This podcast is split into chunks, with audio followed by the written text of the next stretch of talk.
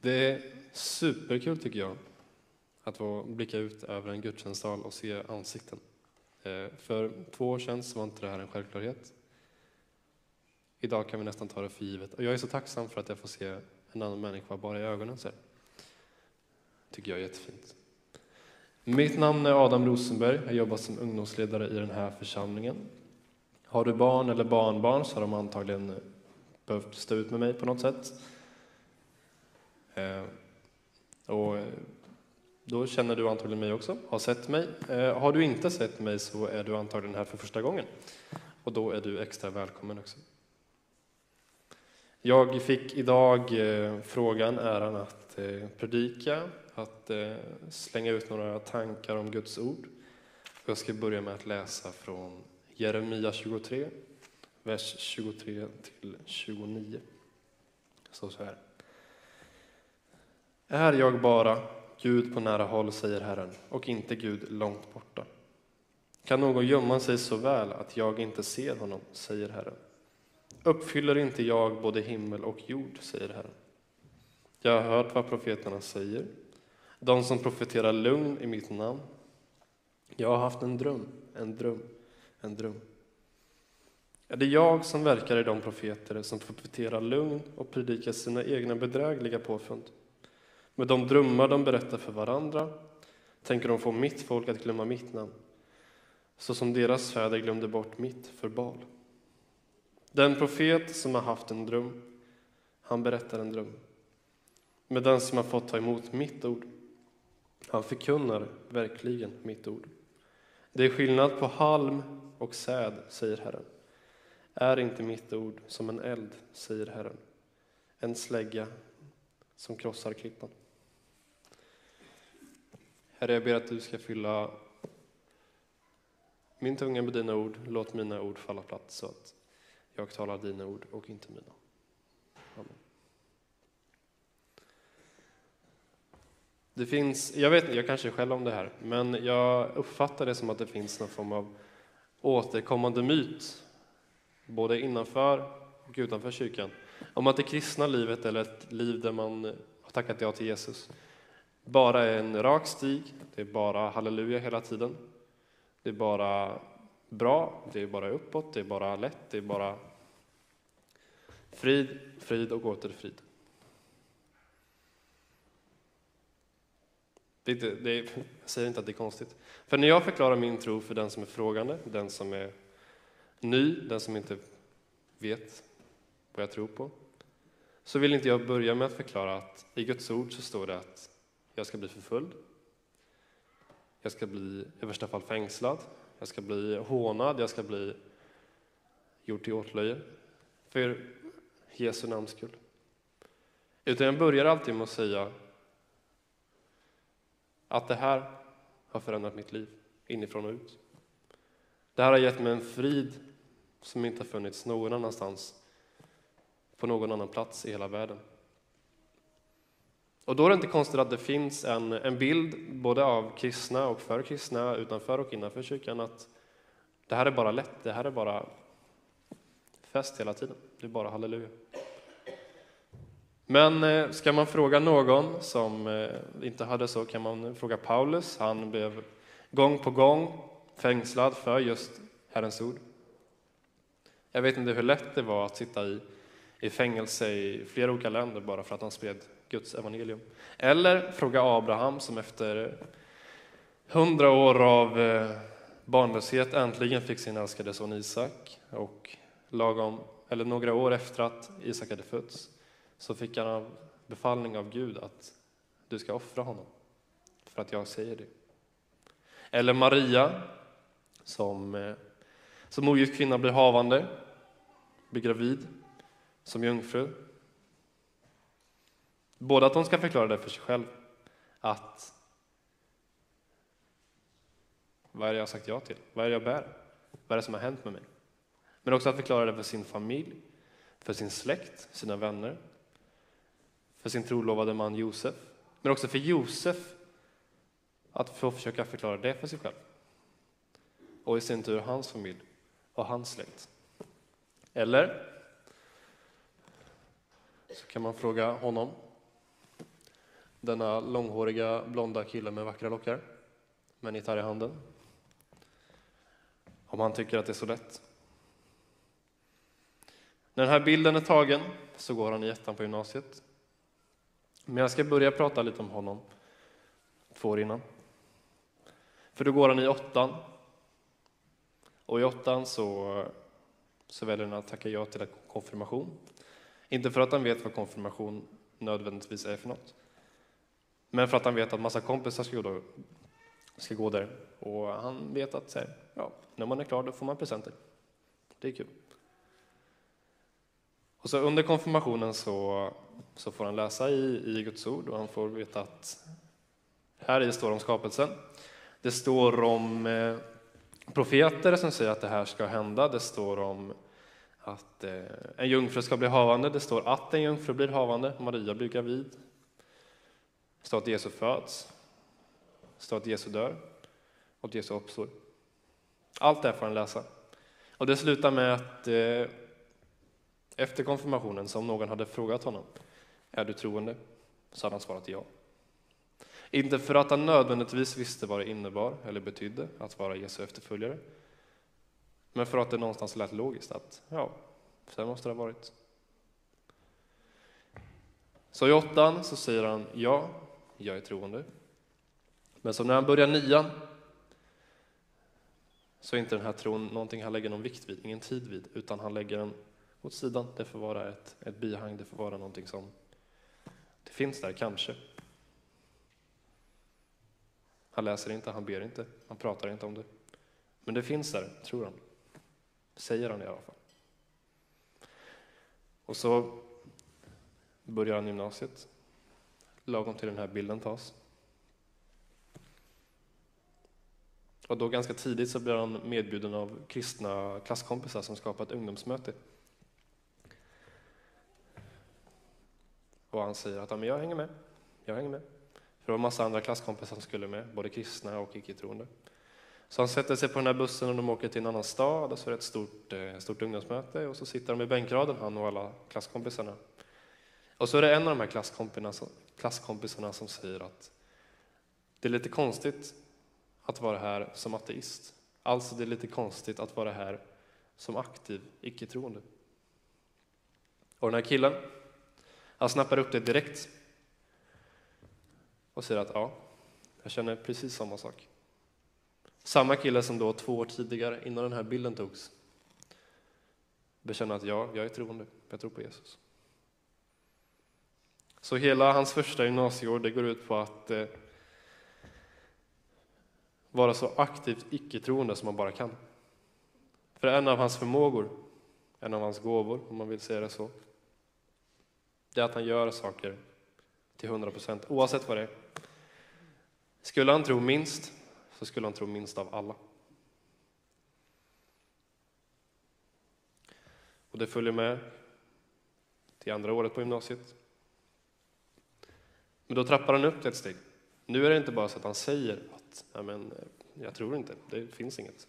Utan nu går han också med i en massa internetforum som diskuterar eh, tro, religion, livsåskådningar, allt vad det nu kan vara. I ett syfte, och det är att trycka ner alla som är troende av något slag. Oavsett vad de tror på, om du är muslim, kristen, hindu. Var du troende så var du per definition fel. Du trodde fel, du hade fel uppfattning om allt. Du baserade livet på fel sak. Och det här följer liksom med honom, hela, både under ettan och tvåan på gymnasiet. Men sen i trean på gymnasiet så får han reda på att vi ska ha religion i skolan. Och han tänker att ja, men det här dammar jag av, utan problem. Det här kan jag motbevisa på så många olika sätt att det här är bara det är en del av den gamla världen. Det är inget vi behöver idag. Det är något som är historia. Jag behöver inte det här. Jag kommer kunna motbevisa på alla möjliga sätt att det här är inget jag ska ha. Det här är inget som stämmer. Men han märker på läraren som kommer in att det är något speciellt. Och en av de första läxorna, en av de första uppgifterna som de får i skolan, det är att läsa i Bibeln om skapelsen.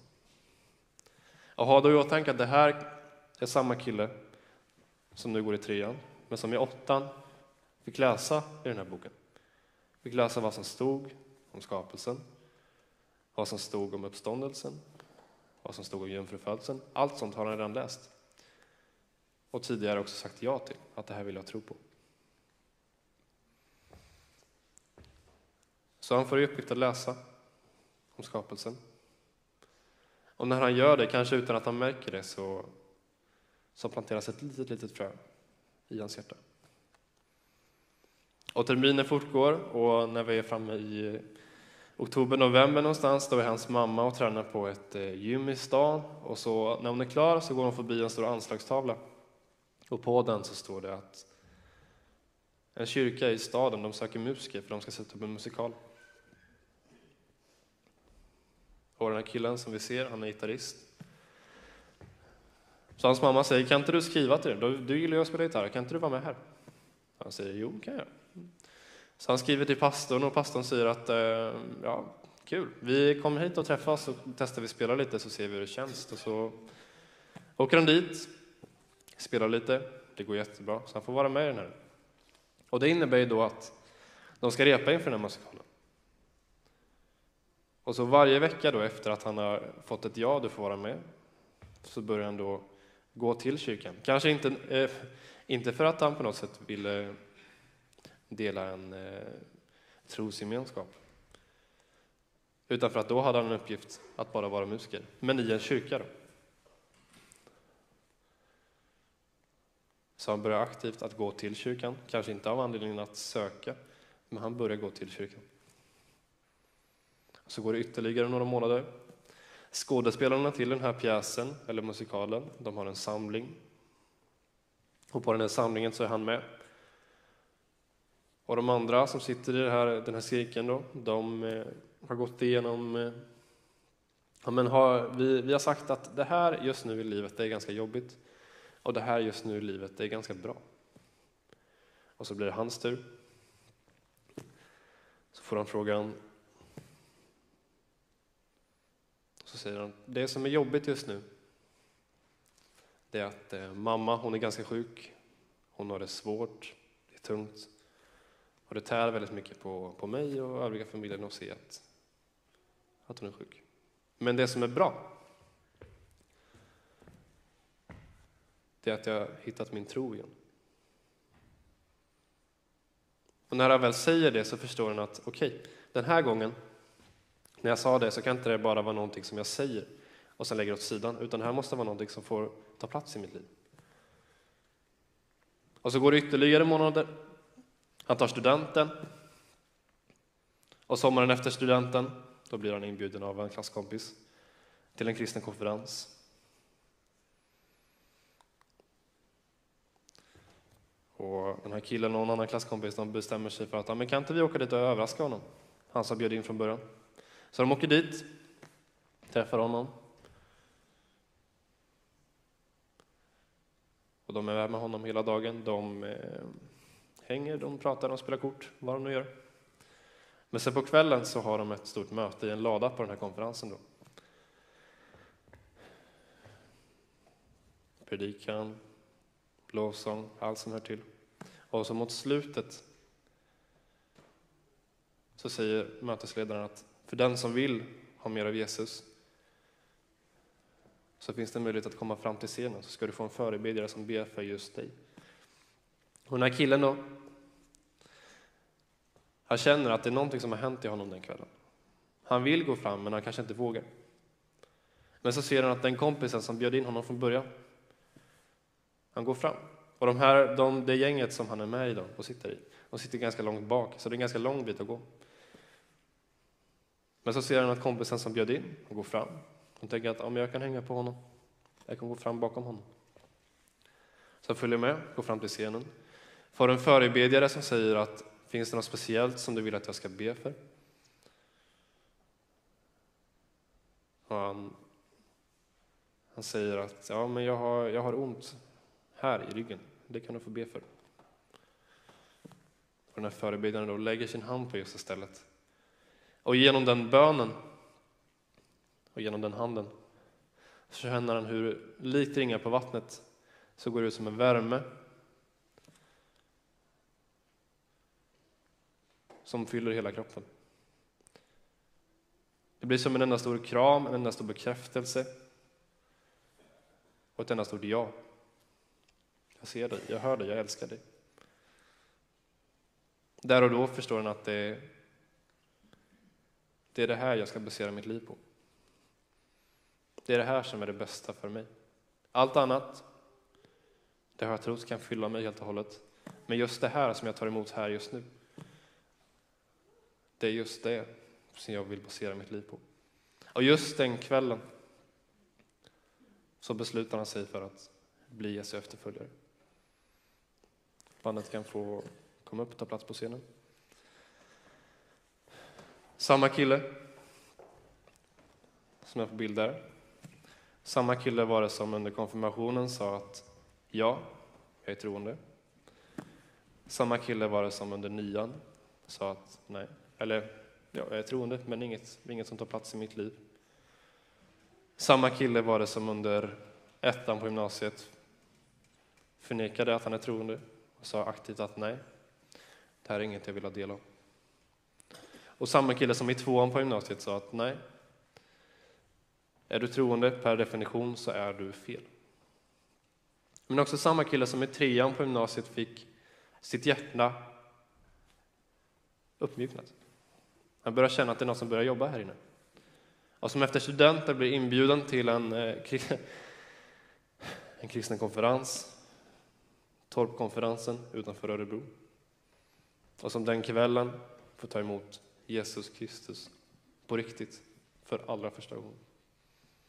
Och det är också samma kille som står här idag och predikar. För har man inte räknat ut det än, så är det jag.